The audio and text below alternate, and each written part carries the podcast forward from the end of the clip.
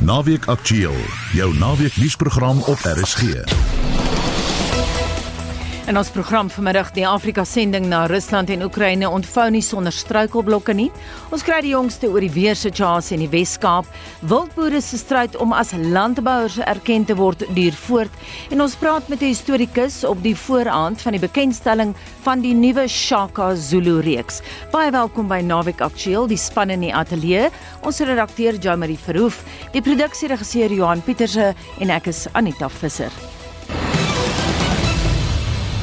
President Cyril Ramaphosa het gister 'n blitshoflikheidsbesoek aan sy Poolse eweknie, Andrzej Duda, in Warszawa afgelê voordat hy later Kiev toe is. Die Poolse besoek was nie sonder drama nie, nadat die owerheid daar gedreig het om wapens wat aan Ramaphosa se veiligheidswagte behoort te konfiskeer. Ramaphosa is saam met ander staatshoofde uit Afrika op 'n sogenaamde vredesending na Oekraïne. Die presidentsiële vlug wat wapens en ammunisie vervoer het, is egter by Warszawa se Chopin lughawe toestemming geweier om die wapens af te laai. Die sogenaamde Afrika Vredesending sou nooit maklik gewees het nie, gegee die eindbestemming. Die hoof van president Cyril Ramaphosa se sekuriteit, generaal Wally Rode, verduidelik wat die drama by Warskou se Chopin lughawe behels het. It never happened that we have stripped anyone with a diplomatic passport just to get us out of here. Now They say we don't have permits. We have permits. The only difference is now they say we can't bring a copy of a permit. We must bring the original. Generaal Rode het egter aangedring dat president Ramaphosa nooit in gevaar was nie. I'm not going to speak about the security of the president, but the president is being secured. Pretoria se posisie was egter klinkklaar. Die sending gaan voort, soos wat Ramaphosa se woordvoerder Vincent Magwenya verduidelik. The human and negative economic impact and tension arising from the conflict between Ukraine and Russia is a grave situation that affects the rest of the world. The African Peace Mission brings an African perspective and an appeal for a peace process to deliberations that are underway in various parts of the world and within different formations of nations on how to address the conflict in Ukraine and Russia. Die verslag van ons politieke korrespondent in Warskou, Ntebo Mokobo, ek is Joan Marie Verhoef vir SAK nuus. En ons hoofstorie sluit aan by die 12 uur nuusbulletin en die voorafgaande insetsel, die Afrika Vredesending na Kiev. Gister was die Pole in Warskou baie skepties oor die arsenaal wapens wat op die presidentsiële vlug was en vir meer konteks praat ons nou met Jaco Kleinhans, hoof van internasionale skakeling by Solidariteit. Goeiemiddag. Goeiemiddag Anita. Voordat ons by die nuutste gebeure kom net vinnig die agtergrond en konteks. Die arsenaal wapens het 'n hele herrie veroorsaak en ek gebruik met opset die woord arsenaal Jaco, want dis hoe dit sou gelyk het. Wat sou die doel wees? Kon dit net vir die president se beveiliging wees? Is dit vir Oekraïne? Ja, Anita, dit is vreemd. Jy weet die omvang hiervan, mense die video's gesien, daar was natuurlik joernaliste ook op hierdie huurvlug gewees, 'n spesiale huurvlug wat deur die Unie gebou gereël is om omtrent 120 uh veiligheidspersoneel van uh, president Ramaphosa en joernaliste uh te neem na Warskou. En en as jy op hierdie video's gekyk het, was dit 'n groot hoeveelheid vuurwapens wat daar van die vliegtuig afgelaai is en wat toe weer teruggelaai moes word omdat die Poolse owerhede gesê het die lisensies nie korrek was nie. As 'n mens net kyk, daar was natuurlik vyf staatshoofde wat ehm um, gister Kiev besoek het. Ehm um, die ander leiers het almal ehm um, redelike klein afvaardigings gestuur. Byvoorbeeld president Hakainde Hichilema van Zambië was daar met een of twee veiligheidsmense en een of twee kommunikasiemense in totale afvaardiging van 8.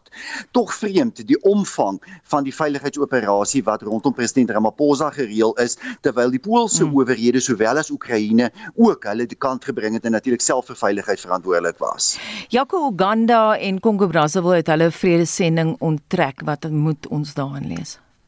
Ja, kyk, aanvanklik uh, sou dit sewe lande gewees het. Uiteindelik het ons toe nou net die staatshoofde van Egipte, uh, Senegal, die Comore eilande wat natuurlik tans die presidentskap van die Afrika Unie ehm um, hanteer en dan Suid-Afrika en Zambië daar gehad. Daar was eintlik selfs vroeër in die week sprake dat ehm um, president Macky Sall van Senegal ook nie sou kon bywoon nie en dit het baie met die logistiek te doen gehad. Daar was duidelik natuurlik ehm um, onsekerheid oor presies hoe gaan 'n mens in 'n oorlogsone in. Uh Oekraïne is 'n land waarvan die lugruim al vir meer as 'n jaar gesluit is. Jy moet reis na Warskou, dan moet jy 'n trein neem uh na Kiev. Um en natuurlik al hierdie reëlings was daar onsekerheid oor, maar ons moet ook sê die afgelope paar maande het baie staatshoofde uh van Europa, die VSA en en en Asië onder andere onlangs die Japaneese eerste minister ook Kiev besoek. So dis nie iets ongewoon nie, dis doenbaar. Um en ek dink daar was duidelik wel 'n gevoel by party van hierdie Afrika lande se leiers dat 'n mens nie um te hoë verwagting moes skep van hierdie sogenaamde vredesending nie. Uh, ek het onder andere gesien dat die Zambiese president regtig die afgelope paar dae probeer het uh om 'n bietjie die verwagtinge af te bestuur. Mm, dink jy dis 'n flater? Uh kyk aan die een kant uh dink ek dat wat Suid-Afrika gedoen het, en Suid-Afrika het redelik leiding geneem hier, né? President Ramaphosa was die leier van hierdie van hierdie sending. Uh Suid-Afrika het uh te hoë verwagting gekommunikeer. Uh ek ek luister na van hierdie ander staatshoofde, ook die uh die eerste minister van Egipte en hulle praat van uh ontmoetings met Zelensky en Putin uh om te luister na wat die twee leiers te sê het en om dan Afrika se behoeftes um rondom graan staan en kunsmis en hierdie soort van dinge om dit oor te dra. Suid-Afrika se kommunikasie die afgelope 2-3 weke was baie sterk op 'n vredige sending en dat Suid-Afrika se president gaan probeer om vrede te sluit tussen uh Oekraïne en Rusland. Ons moet baie eerlik daar wees, dit is onmoontlik. Dit was nooit moontlik gewees nie. Hierdie is 'n ongelooflike ingewikkelde komplekse um uh oorlog uh met 'n baie baie lang aanloop van dekades lank uh en en uh ja, geen goeie onderhandelaar uh is is tans tans dink ek in die posisie om sommer maar net tevrede is oor einkomste tussen hierdie leiers te sluit nie. BRICS is natuurlik ter sprake ook, Jaco. Ja, heeltemal so. Die ehm um, leiers, die vyf Afrika staatshoofde het uh, so wat ure en 'n half gelede uh, vertrek na Sint Petersburg waar hulle dan nou vandag met uh, Vladimir Putin ontmoet. Putin is in Sint Petersburg omdat hy gister daar die internasionale ekonomiese forum van Rusland toegespreek het. Ehm um, en hulle vergader nou uh, met Vladimir Putin oor die oorlog en daarna is daar vanmiddag 'n bilaterale ontmoeting tussen Vladimir Putin en president Cyril Ramaphosa, ehm um, waar BRICS definitief bespreek gaan word. Die lasbrief wat die internasionale strafhof in Den Haag uitgereik het, gaan definitief bespreek word. Dit is besig om vir Suid-Afrika in 'n groot diplomatieke um, krisis te ontaard en ek dink 'n mens moet hoop dat daar vanuit hierdie bilaterale samesprekings vanmiddag 'n oplossing uh, na vore kan kom want uh, die BRICS-beraad is besig om baie vinnig nader te kom um, en ja, dit is besig om eintlik in 'n verloor-verloor situasie vir Suid-Afrika te ontaard. Jy verwys nou na 'n diplomatieke krisis. Dink jy die herrie in Wars Moskou gaan tot probleme langtermyn langtermynprobleme lei tussen Pretoria en Warsaw.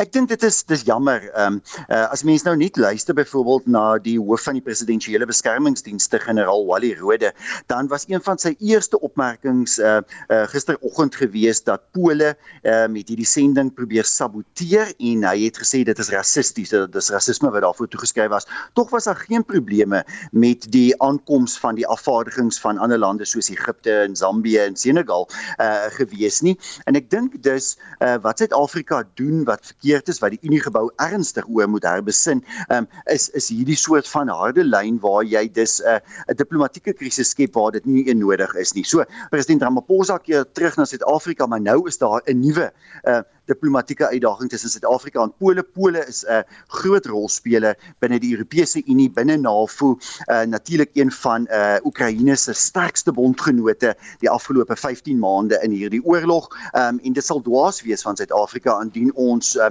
met met sulke soort van van beweringe uh, uh, Pole verder vervreem. Ek moet sê die sending klink vir my totaal ondeurdag. Die joernaliste het verniet saamgevlieg. Ja, heeltemal so teen 'n geweldige koste en nou is daar interessant genoeg 'n uh, 'n um, 'n uh, geskil tussen verskillende staatsdepartemente in Pretoria oor wie vir hierdie koste moet instaan wat 'n spesiale huurvlug is gereël.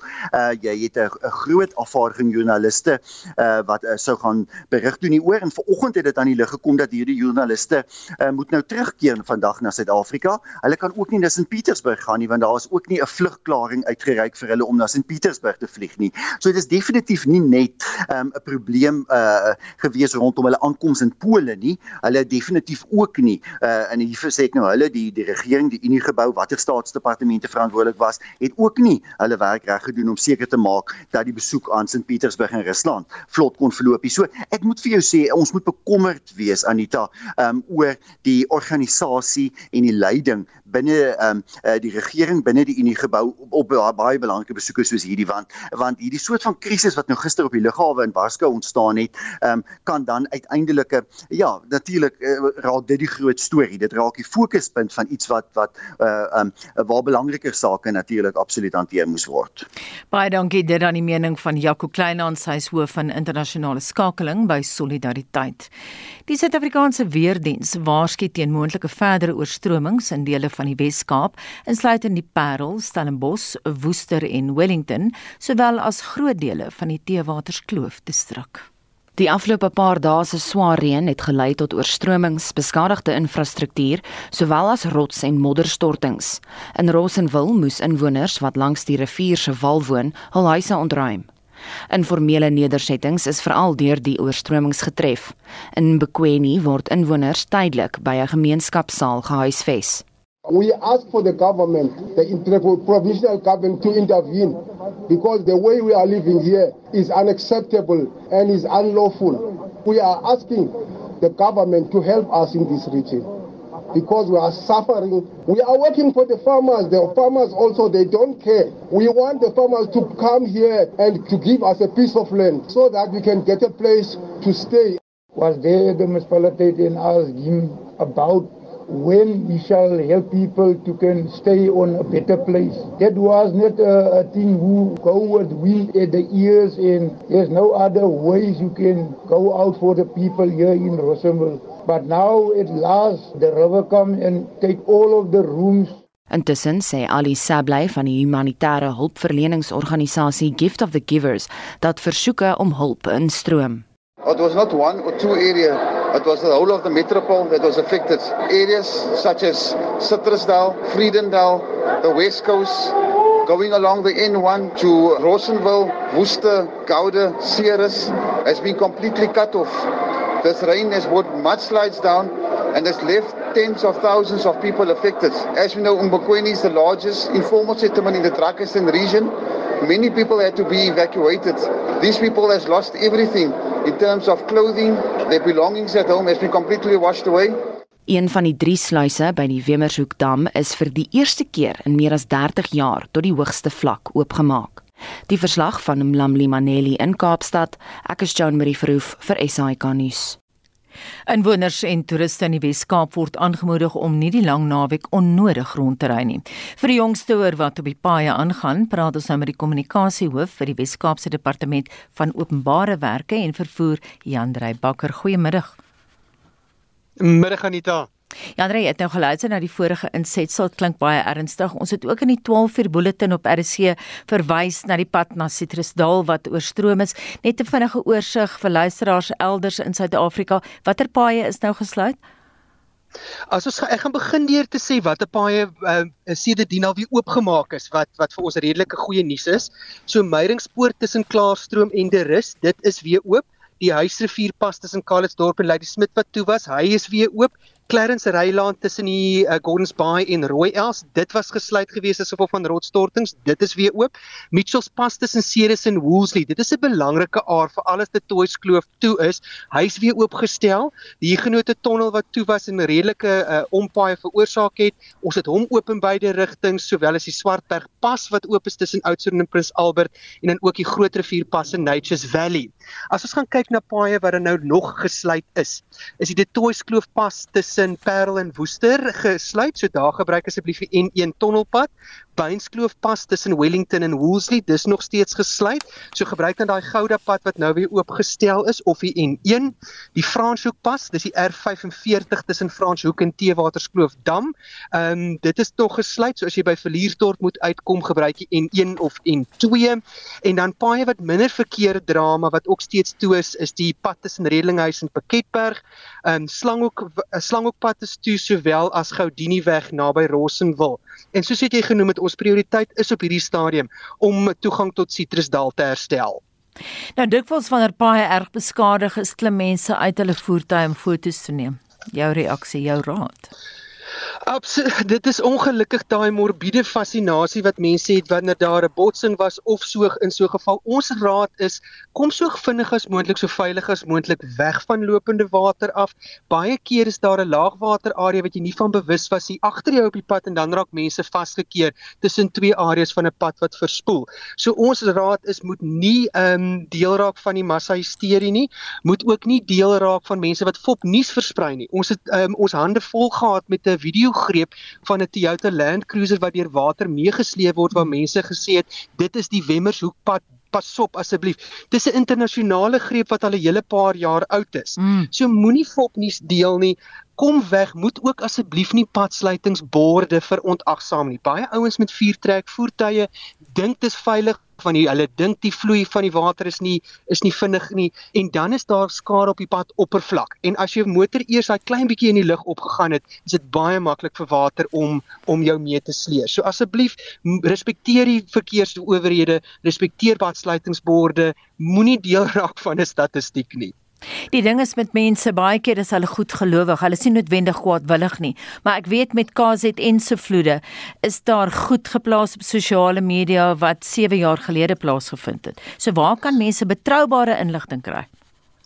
Ek dink die beste sal wees om betroubare bronne soos ons uh, Facebookblad en ons web uh, wat Weskaap regering is, ons Twitter uh, adres wat @westerncapegovernment is @wcggov, maar dan ook ander um, bronne soos byvoorbeeld uh, One Second dis 'n privaat uh, instansie wat besig is om om op tot tot op die hede um, uh, nuus te versprei vir ons wat betrekking het tot paaie en dan ook ander bronne soos op Twitter FMS Cape Town wat die ehm um, snelweë en so aan vir ons patrolleer.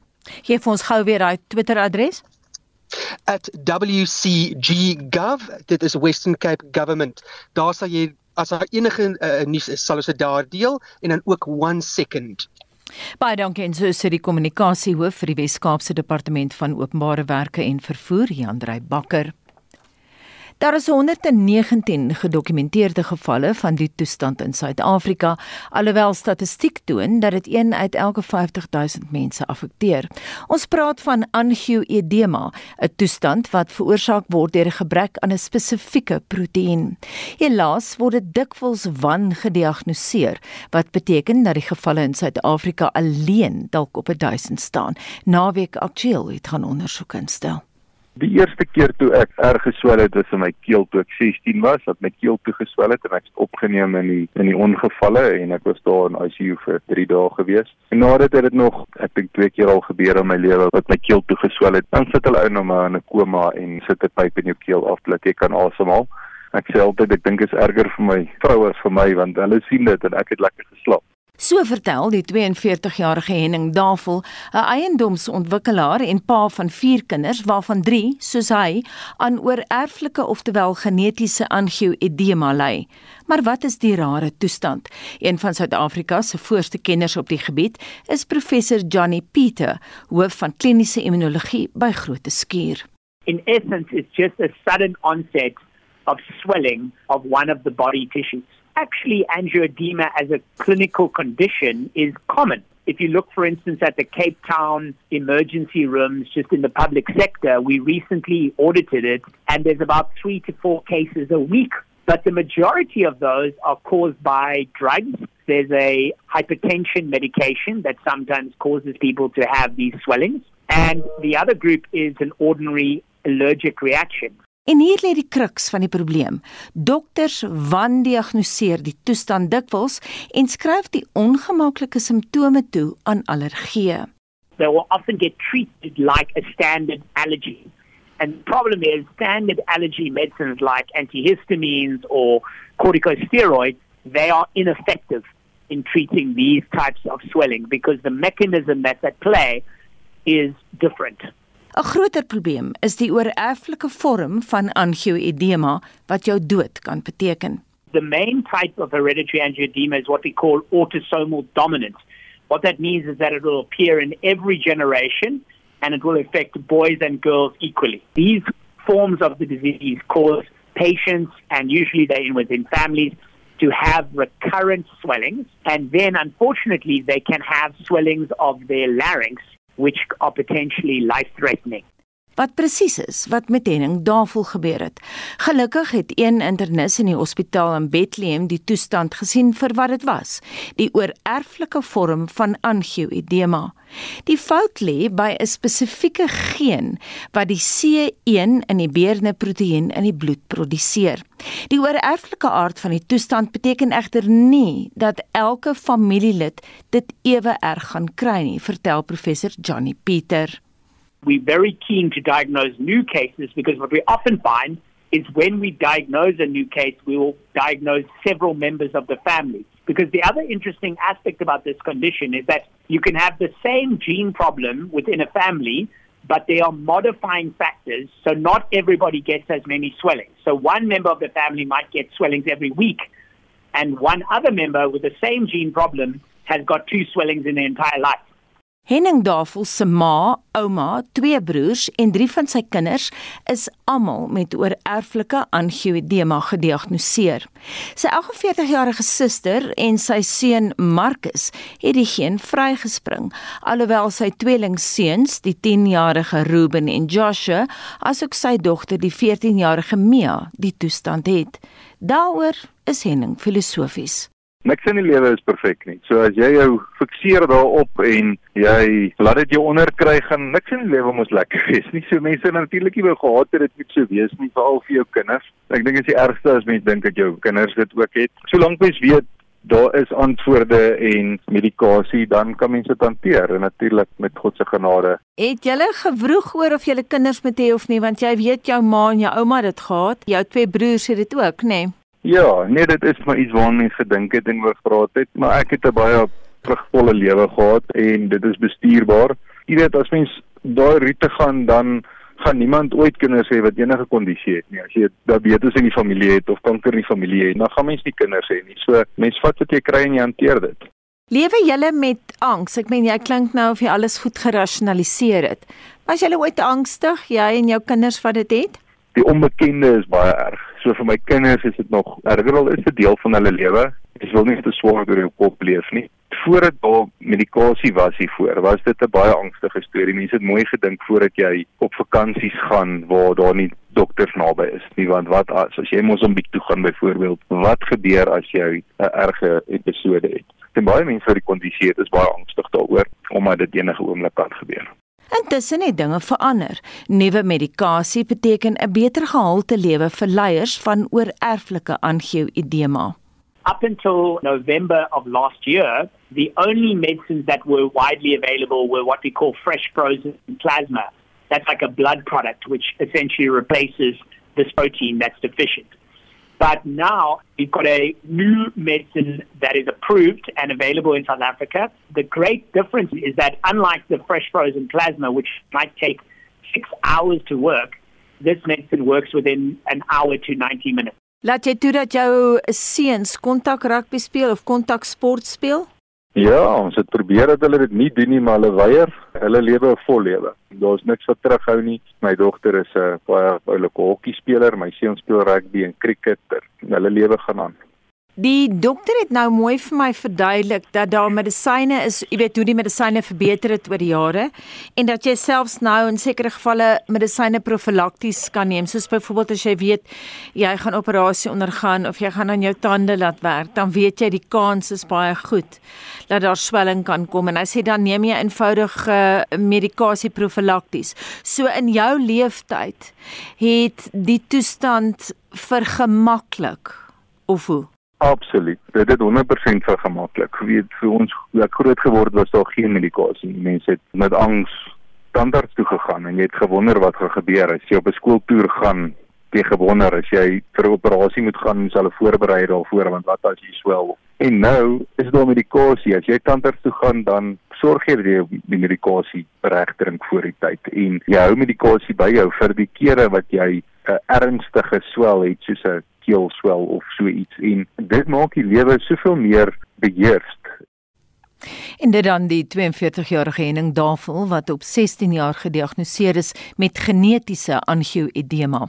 Luisteraars wat meer inligting oor die toestand wil hê, kan Janice Strydom, hoof van Hereditary Angioedema South Africa, kontak by HAE Advocacy SA een woord by gmail.com. Ek herhaal daardie adres. Dit is Janice Strydom by H A E Advocacy SA een woord by gmail.com. Hallo, ek is Naweek Aktueel. My naam is Anita Visser en hier is Jody Hendriks met sportnuus. Ek begin met rugby. Die Karibeker halfeindwedstryde word vanmiddag gespeel in Bloemfontein gaan die Cheetahs en Bulle eersaak uitspook vir 'n plek in aanstaande week se eindstryd. Vir die Cheetahs is Juan Pinar terug op loskakel en Victor Sekeke gaan die span op slot aanvoer. Vir die Bulle begin Keegan Johannes op skramskakel in die plek van die beseerde Ambrose Papier, Johan Goosen op heel agter en Marcel Coetzee is die kaptein. Nou die twee spanne het ook verlede week in die laaste liga ronde van die Karibeker op Loftusversveld teen mekaar gespeel waar die Cheetahs as die wenspan van die veld geloop het en die afrigter van die Bulle, Jake White, sê hulle het al vergeet van verlede week se kragmeting en fokus net op vanmiddag se uitdaging. Look, I think the circumstances will be different. I mean, it's not any more bonus points. It's, you know, last week they probably also knew if they get a bonus point, they could get a home final and finish top of the log. I mean, now this week it doesn't matter, you know, whether you win by one point and score one try. So I would be surprised, and I'm saying they'd go away from what's been working for them. Sometimes I felt they got away with a couple of things last week by stopping the mauls with hands on the ground, coming from the side. But again, that's the nice thing. We play them again a week later. We've had an opportunity to have a look at worked, what didn't work. And as I said, you know, we, we played with 14 men. So I'm fully confident if we just, you know, stick to what we do and, you know, we should be no reason why we can't be good enough to win the game. Terran Jake White en afskoptyd is om 3 uur. Dan om 06:30 se pak die verdedigende kampioen die Pumas en Haie mekaar in Durban. Nou die Pumas word as 'n buiteperk vir die kragmeting beskou, maar die Haie het verskeie eerste keuse spelers teruggebring vir die kragmeting en drie Springbokke op die reservebank vir die wedstryd gekies. Soos ek gesê het, afskoptyd is om 06:30 dan in sokkernuus vanmiddag om 5:00 speel Bafana Bafana 'n Afrika Nasies beker kwalifikasiewedstryd teen Marokko op die FNB stadion. Nou die wedstryd is net van akademiese belang omdat beide spanne al vir aanstaande jaar se toernooi in die voorkeurs gekwalifiseer het. Bafana Bafana sal egter goed doen om hul vaardighede te toets teen Marokko wat verlede jaar die eerste span van Afrika geword het om die halfeindronde van die Wêreldbeker toernooi te maak. Dan in cricketnuus op uh, dag 2 van die reeks om die Ashes in Engeland en Australië op Edgbaston, uh, die tuisspan het eerste gevolg in 393 vir 8 verklaar en die Aussies het dag 1 op 14 sonder die verlies van 'n paaltjie geëindig. En dan in golfnuus die derde major van die jaar, die Amerikaanse Ope tans by die Los Angeles Buiteklub aan die gang en die Amerikaner Ricky Fowler is eers op die voorlopersbord na ronde 2 met 'n telling van 10 onder baansyfer. Die vier Suid-Afrikaners sukkel egter almal en Aldrich Potgieter is op 2 oor baansyfer, Thurston Lawrence op 3 oor baansyfer, dan Jon Germes hy en Wilco Ninaber albei op 5 oor baansyfer. Jody Hendricks vir RSG Sport. In ons weeklikse motorrubriek skuif Wessel Pretoria se agter die stuur van twee Duitse waans in.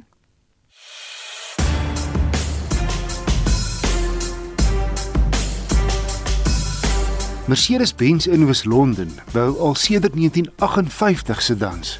En tans is hy een van net 3 aanlegte wat wêreldwyd die C-klas vervaardig. Ons bou hom in linker en regter stuur vir die plaaslike en uitvoermark ja ook na die FSA ingevolge die belastingvriendelike AGOA waarmee ons tot nou toe steeds tegemoet gekom word. Die jongste C-klasse dan is bietjie breër en langer as sy voorganger, byna 4,8 meter. Nou so groot soos net nou die dag se E-klas. Ek het kans gehad om 'n diesel en petrol model te ry, die C20D en C200 albei in die meer sportiewe en baie netjiese AMG lyn afwerking wat onder meer 19 duim alloy wiele en 'n pragtige sierrooster gee. Mercedes se grootste sedan, die S-klas, is voor in die koor as dit by tegnologie kom en die 5de generasie C-klas het heelwat van die vlaggenskap geërf. ook wat die ontwerp en binneruim aanbetref. Trouwens, die nuwe C-klas lyk en voel baie soos 'n kleiner weergawe van die S-klas. Wat net 'n goeie ding is, maar teen 'n stywe prys. Die reeks begin by 'n miljoen rand. Die besonder stylvolle kajuit word oorskadu deur 'n massiewe vertikale tablettipe skerm in die middel van die paneelbord wat so effens agteroor lê om maklik leesbaar te wees. Die wemel van die inligting en funksies maar is tog maklik om baas te raak. Jy kan ook sekere inligting met jou stem bekom sonder om jou oë van die pad te haal of met jou vingers te vroetel. Die Engelse tannie se intelligensie is egter beperk. Of my Engels is dalk nie so goed verstaanbaar nie. Ons gesprek het ry ry so verloop. Hey Mercedes. How may I help you? What's the time? It is 2:04 p.m. What's the outside temperature? The outside temperature is 23.5 degrees Celsius. How much fuel is left? I'm sorry, but I can't help you with that right now. What road is this? The information cannot be read out. Switch on the air conditioning. Air conditioning is turned on. Phone a number for me. I'm setting the ventilation to level 4.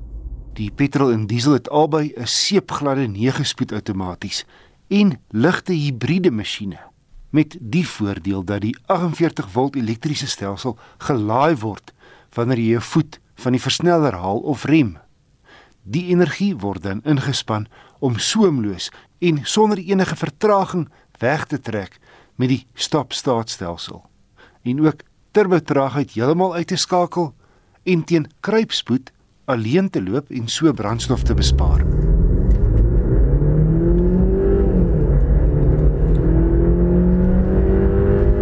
Die C200 het 'n 1.5 turbo petrol wat saam met die elektriese motortjie 'n gesonde 165 kW en 300 Nm uitskop.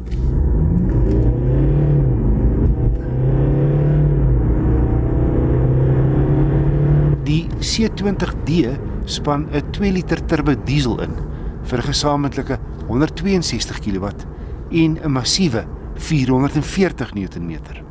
Mercedes gee albei se 0 na 100 as 7,3 sekondes aan. Maar dis die diesel wat uitstekende moeitelose lae toere versnelling bied.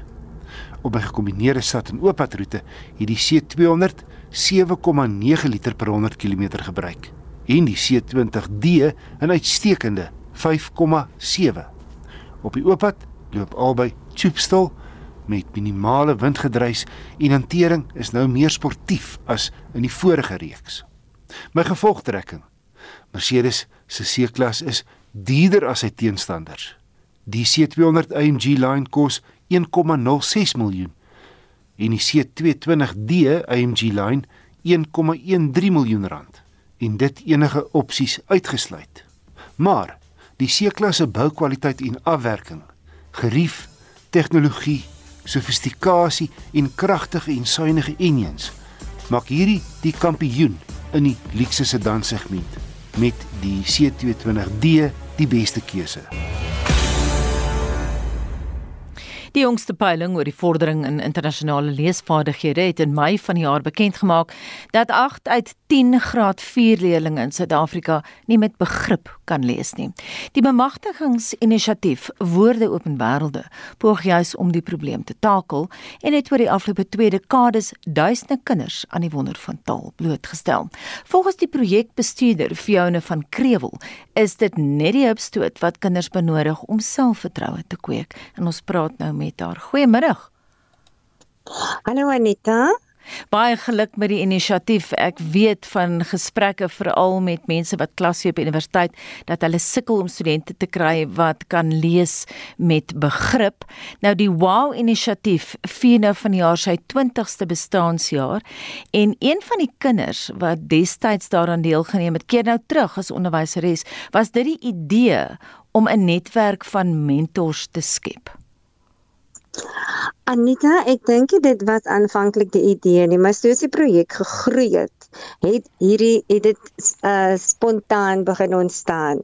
Um behalwe van die, ons afgestudeerde studente wat die, wat op skool ook deel was van die projek en uiteindelik hulle voete iewers in die beroepswêreld neergesit het, is daar ook uh, maatskaplike werkers, daar's ook van hulle wat in parlement werk, in die media wêreld, be bekende akteurs.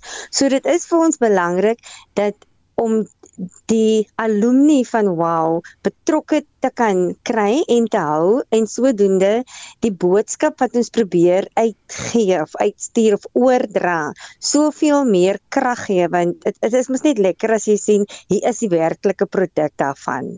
Fiona ons weet so hierdie dit, dit ja, ekskuus tog. Fiona ons weet nou dat Finland 'n uitstekende onderwysstelsel het. Kyk hulle elders ter wêreld nou hoe mense hulle geletterdheidskrisisse daar hanteer of het hulle nie geletterdheidskrisisse soos hier nie? Ek dink Suid-Afrika het 'n uh, unieke en besondere uitdaging Anita. Ek dink ons kan uh, daar's daar's nog soveel ongelykhede in ons samelewing of dit nou as gevolg van 'n uh, historiese agtergrond is wat ons het of hedendaagse uitdagings en nog steeds die die ehm um, verskille tussen bevoorreg en minder bevoorreg wat so groot is, dit maak ons land se se situasie bietjie anders. So 'n mens kyk wel wat werk en jy probeer dit toepas en aan die einde van die dag gebruik jy tegnieke en vaardighede wat ehm um, wat jy binne jou eie konteks kan aanpas. So ek dink dit is belangrik dat 'n mens moet kennis neem en weet wat ander mense doen en dit en iets dan so aanpas binne jou eie konteks sodat dit kan werk en ek dink um uit 'n gesprek met met uh mense kan 'n mens agterkom jy te, of met onderwysers dat jy 'n bietjie van dit nodig, 'n bietjie van dit nodig en uiteindelik pas jy dit binne jou eie konteks toe. Lees kinders nog boeke of lees hulle net aanlyn? Weet ek dink is is 'n kombinasie. Kinders lees, maar kinders lees anders. Um ek, ek glo daaraan as ons uh byvoorbeeld as 'n mens 'n nuwe film aan mense wil bekendstel, dan speel jy vir hulle hierdie kort insetsel wat vir hulle dan die prikkel gee om die, om die film te gaan kyk. So ek dink ons moet dieselfde doen met leesstof. As ons vir kinders genoeg prikkel oor wat binne in 'n boek staan, dan dink ek hulle sal in die boek klim.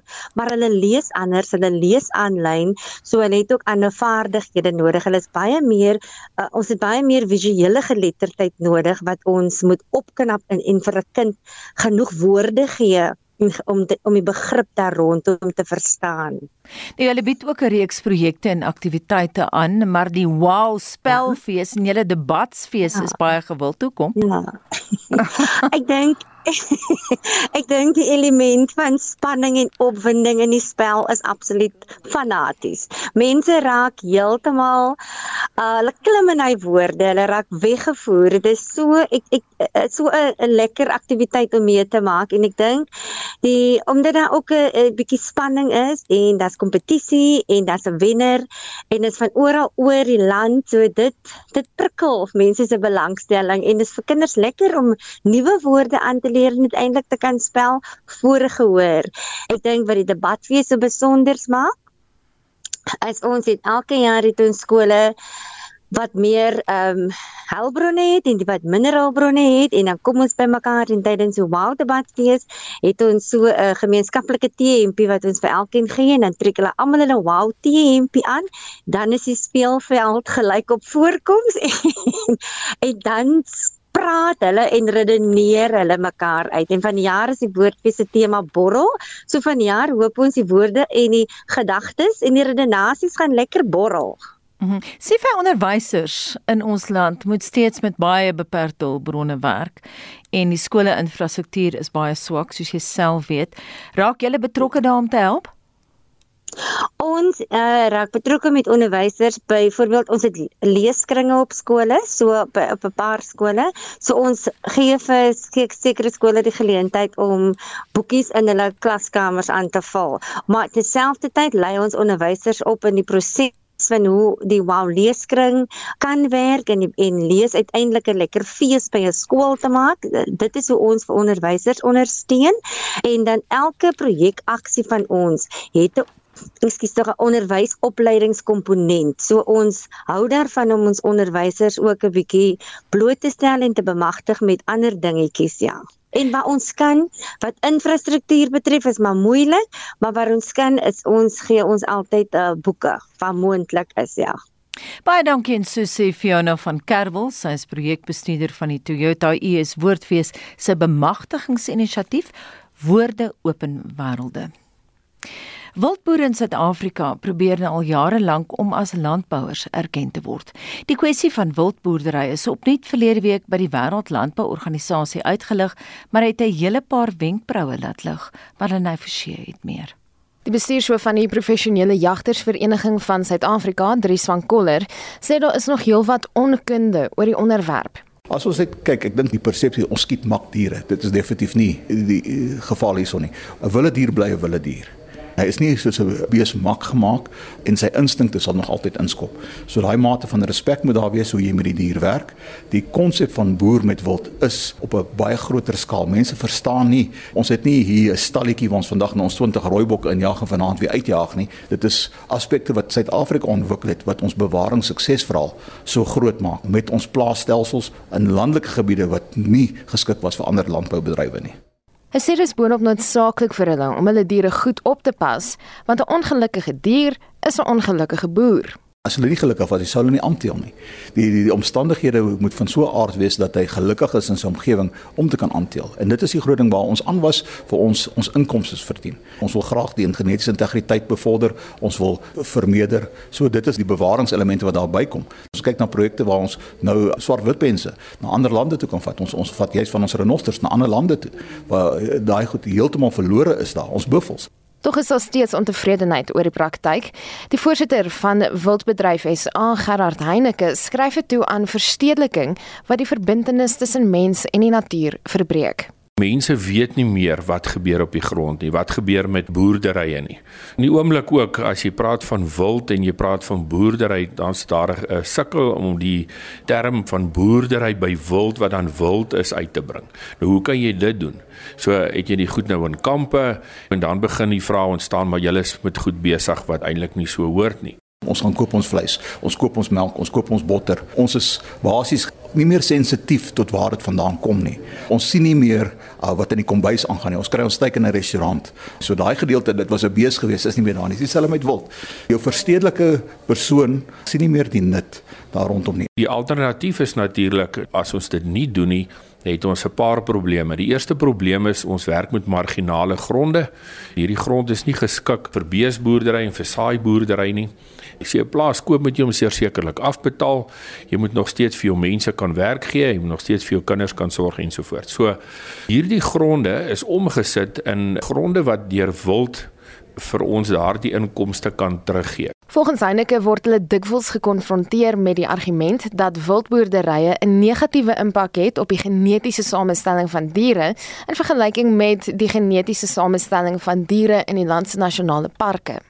Daar is soveel toegepaste wetenskaplike studies wat gedoen is op verskillende wildspesies om te kyk vir hierdie inteling en goed. En telke male was ons verras dat meeste van hierdie spesies se genetiese materiaal beter toets as selfs die in, in parkerade of in parke in, in Suid-Afrika waarop ons baie trots is. Intussen smeer die land se wildsorganisasies bande onder die vaandel van die koalisie vir volhoubare verbruik, beter bekend as SUKO, om 'n verenigde stem op internasionale vlak te wees. Ek's Marlene Forsie vir SAK nuus. En ons bly by bewaring in die wildbedryf. Dis juis op 'n wildreservaat in die Wes-Kaap waar die Wildlewe Forensiese Akademie om daarop toespits om jong mense op te lei om misdaad in die natuur op te los. Maar in hy Forsie berig, die beroep is een wat toenemend in aanvraag is. Die stigter en bestuurshoof van die skool, Andrew Vos, het 12 jaar terug nie veel geweet van wildmisdaad nie. Deesdae beywer hy hom daarvoor om seker te maak die stryd teen wildsmisdaad is vel. Wildlife forensic is about actually nothing more and nothing less than what we do on human crime scenes. If you kill an animal, every contact leaves traces. It's in human crime scenes, but that goes as well for wildlife crime scenes. So if you kill an animal and there are no witnesses or there are witnesses, you always need to collect forensic traces. So you can imagine that if you collect the human DNA traces on this crime scene, the non-human traces, the data from the cell phone that people have with them, fingerprints, footprint, or tool marks, you can use all this data to support a witness statement. Dis nie 'n eenvoudige proses nie. You have to protect the scene. Don't drop your own DNA on the scene, you know, and protect it. The forensic traces are there in a certain sequence, so don't disturb the crime scene and call the police. And if you are an officer and you are mandated, start to make pictures of what you see and collect it and file it and call the police. Die skool is ingestel daarop om studente prakties voor te berei. Indoors, we have crime scenes from an animal, from a lion, from a giraffe, and from a rhino. We have, for example, a tent because poachers use a tent, and that's why they drop their first forensic traces. We have vehicles, we have a house, we have a courtroom, and a laboratory. And on top of that, all our lecturers wear their uniform. So if you are illiterate and you come in our academy, you directly understand and see the actors in the chain. En 'n belangrike element is opleiding om sterk bewyse in die hof te lewer. At the end of the day, we do a courtroom case, and then you see that Rangers come with his witnesses. He gives a wonderful witness statement, but the statement is not supported by objectifiable evidence. So actually, the case can be closed because it's not enough for a sentence. So we send them back into the courts to do it again, and then they understand. Okay, we have to collect the objectifiable evidence to make a strong case in court. Hy sê daar is 'n behoefte in die vaardigheid in die land. If you take the police and the prosecution out of your society, everything collapses. And that's what's happening actually in conservation. We are working now with the Nelson Mandela University. They have a three year course, and they will send hundreds of rangers from 2024 to our academy for training. We're talking with sandparks to deliver training even from the US, Homeland Security from Washington, they attended our academy and have a meeting with us to discuss if we could train their people. So there's really a lack of training facilities and training material for people who are in need in the wildlife chain in, in conservation. Dit was die stigter en bestuurshoof van die Wildlewe Forensiese Akademie in die Wes-Kaap, Andrew Vos. Marlene Forsie, SAK nuus. Die ersiene wetsontwerp op nasionale gesondheidsversekering sal binnekort voor die nasionale raad van provinsies dien nadat die nasionale vergadering die groen lig daarvoor gegee het.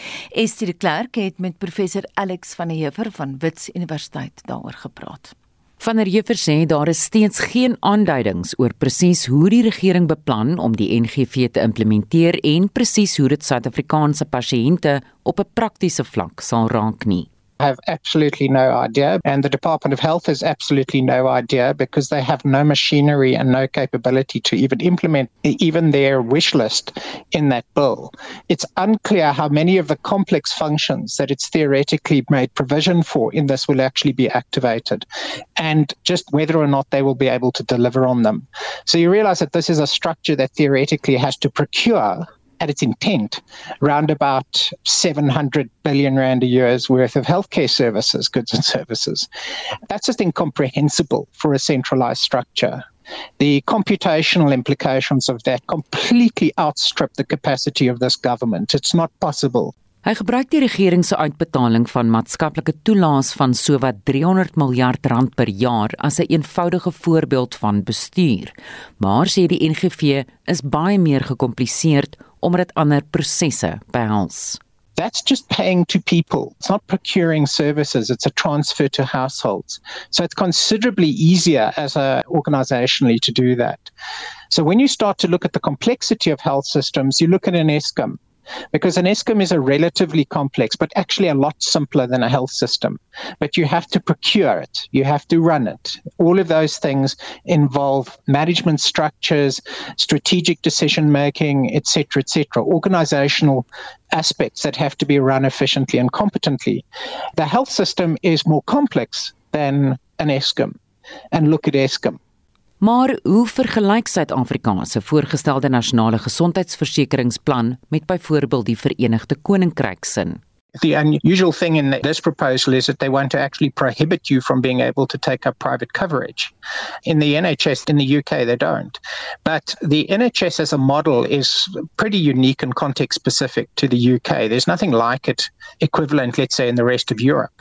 The NHS itself, its biggest problem has been restricted to the available budget of government. So it hasn't been able to be co funded in any way by other kinds of contributions or supplemented, as you'll find in systems in Australia and and even in Ireland and so on, where you've got a mixed system between public and private regulated health insurance markets plus public free public services, where you start to prohibit people and create a state monopoly. And I really emphasize this. Other countries don't create state monopolies, they mm. create public services.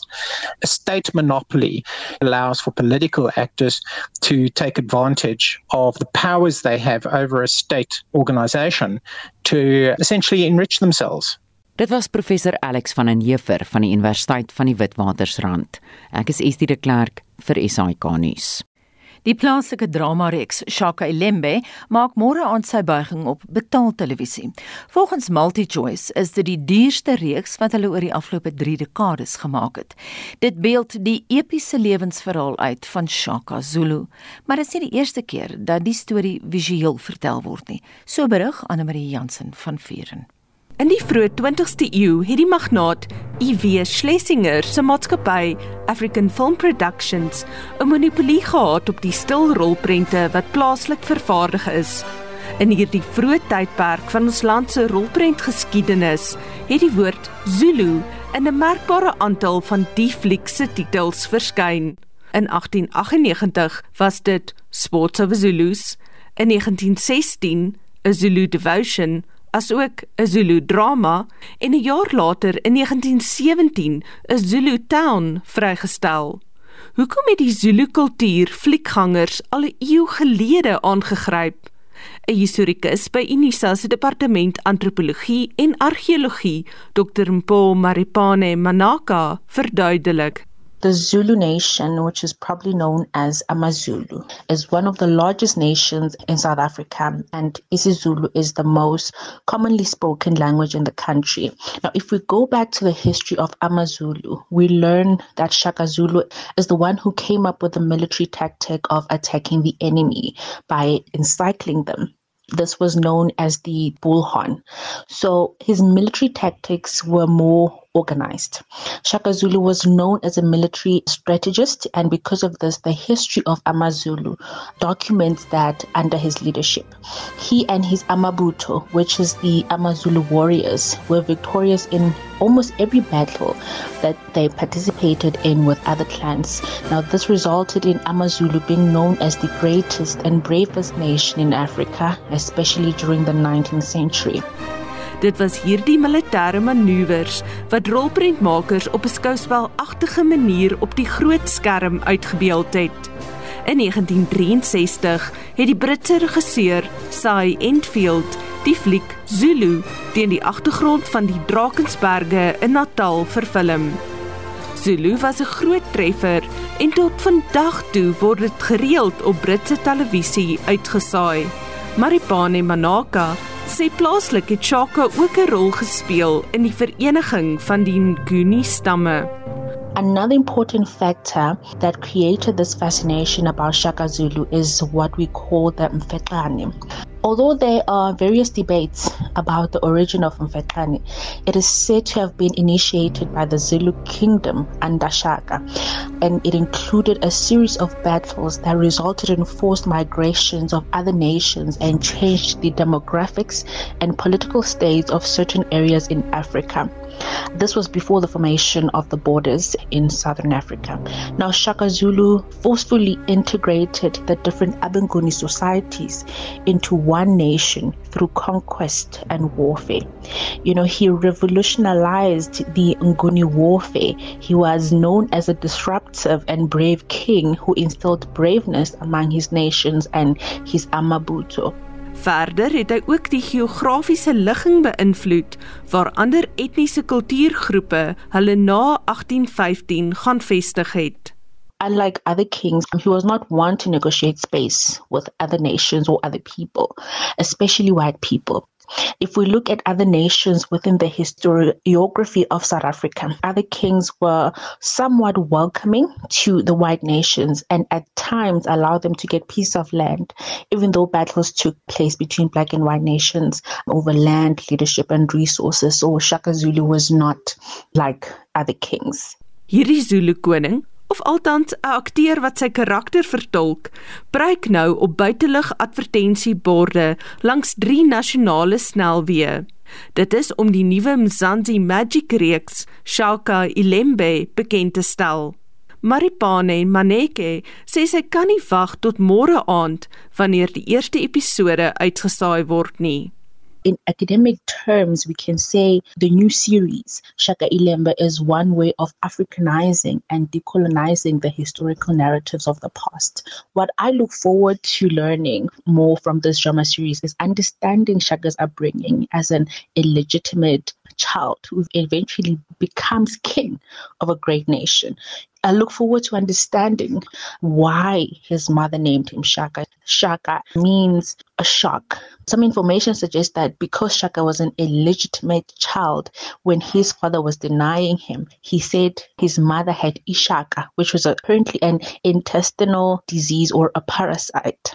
So, this narrative would be interesting to understand from the story. Maripana Manake sê al het sy die AmaZulu geskiedenis geskrifte al baie gelees, spreek visuele beelde tot die siel en sy sien uit daarna om haarself weekliks in die reeks te verknog. Anne Marie Jansen van Vuren vir SAK nuus. En daarmee groet span namens ons uitvoerende regisseur Nicoline de Wee, die redakteur Jamie Verhoef, ons produksieregisseur Johan Pieterse en ek is Anita Visser.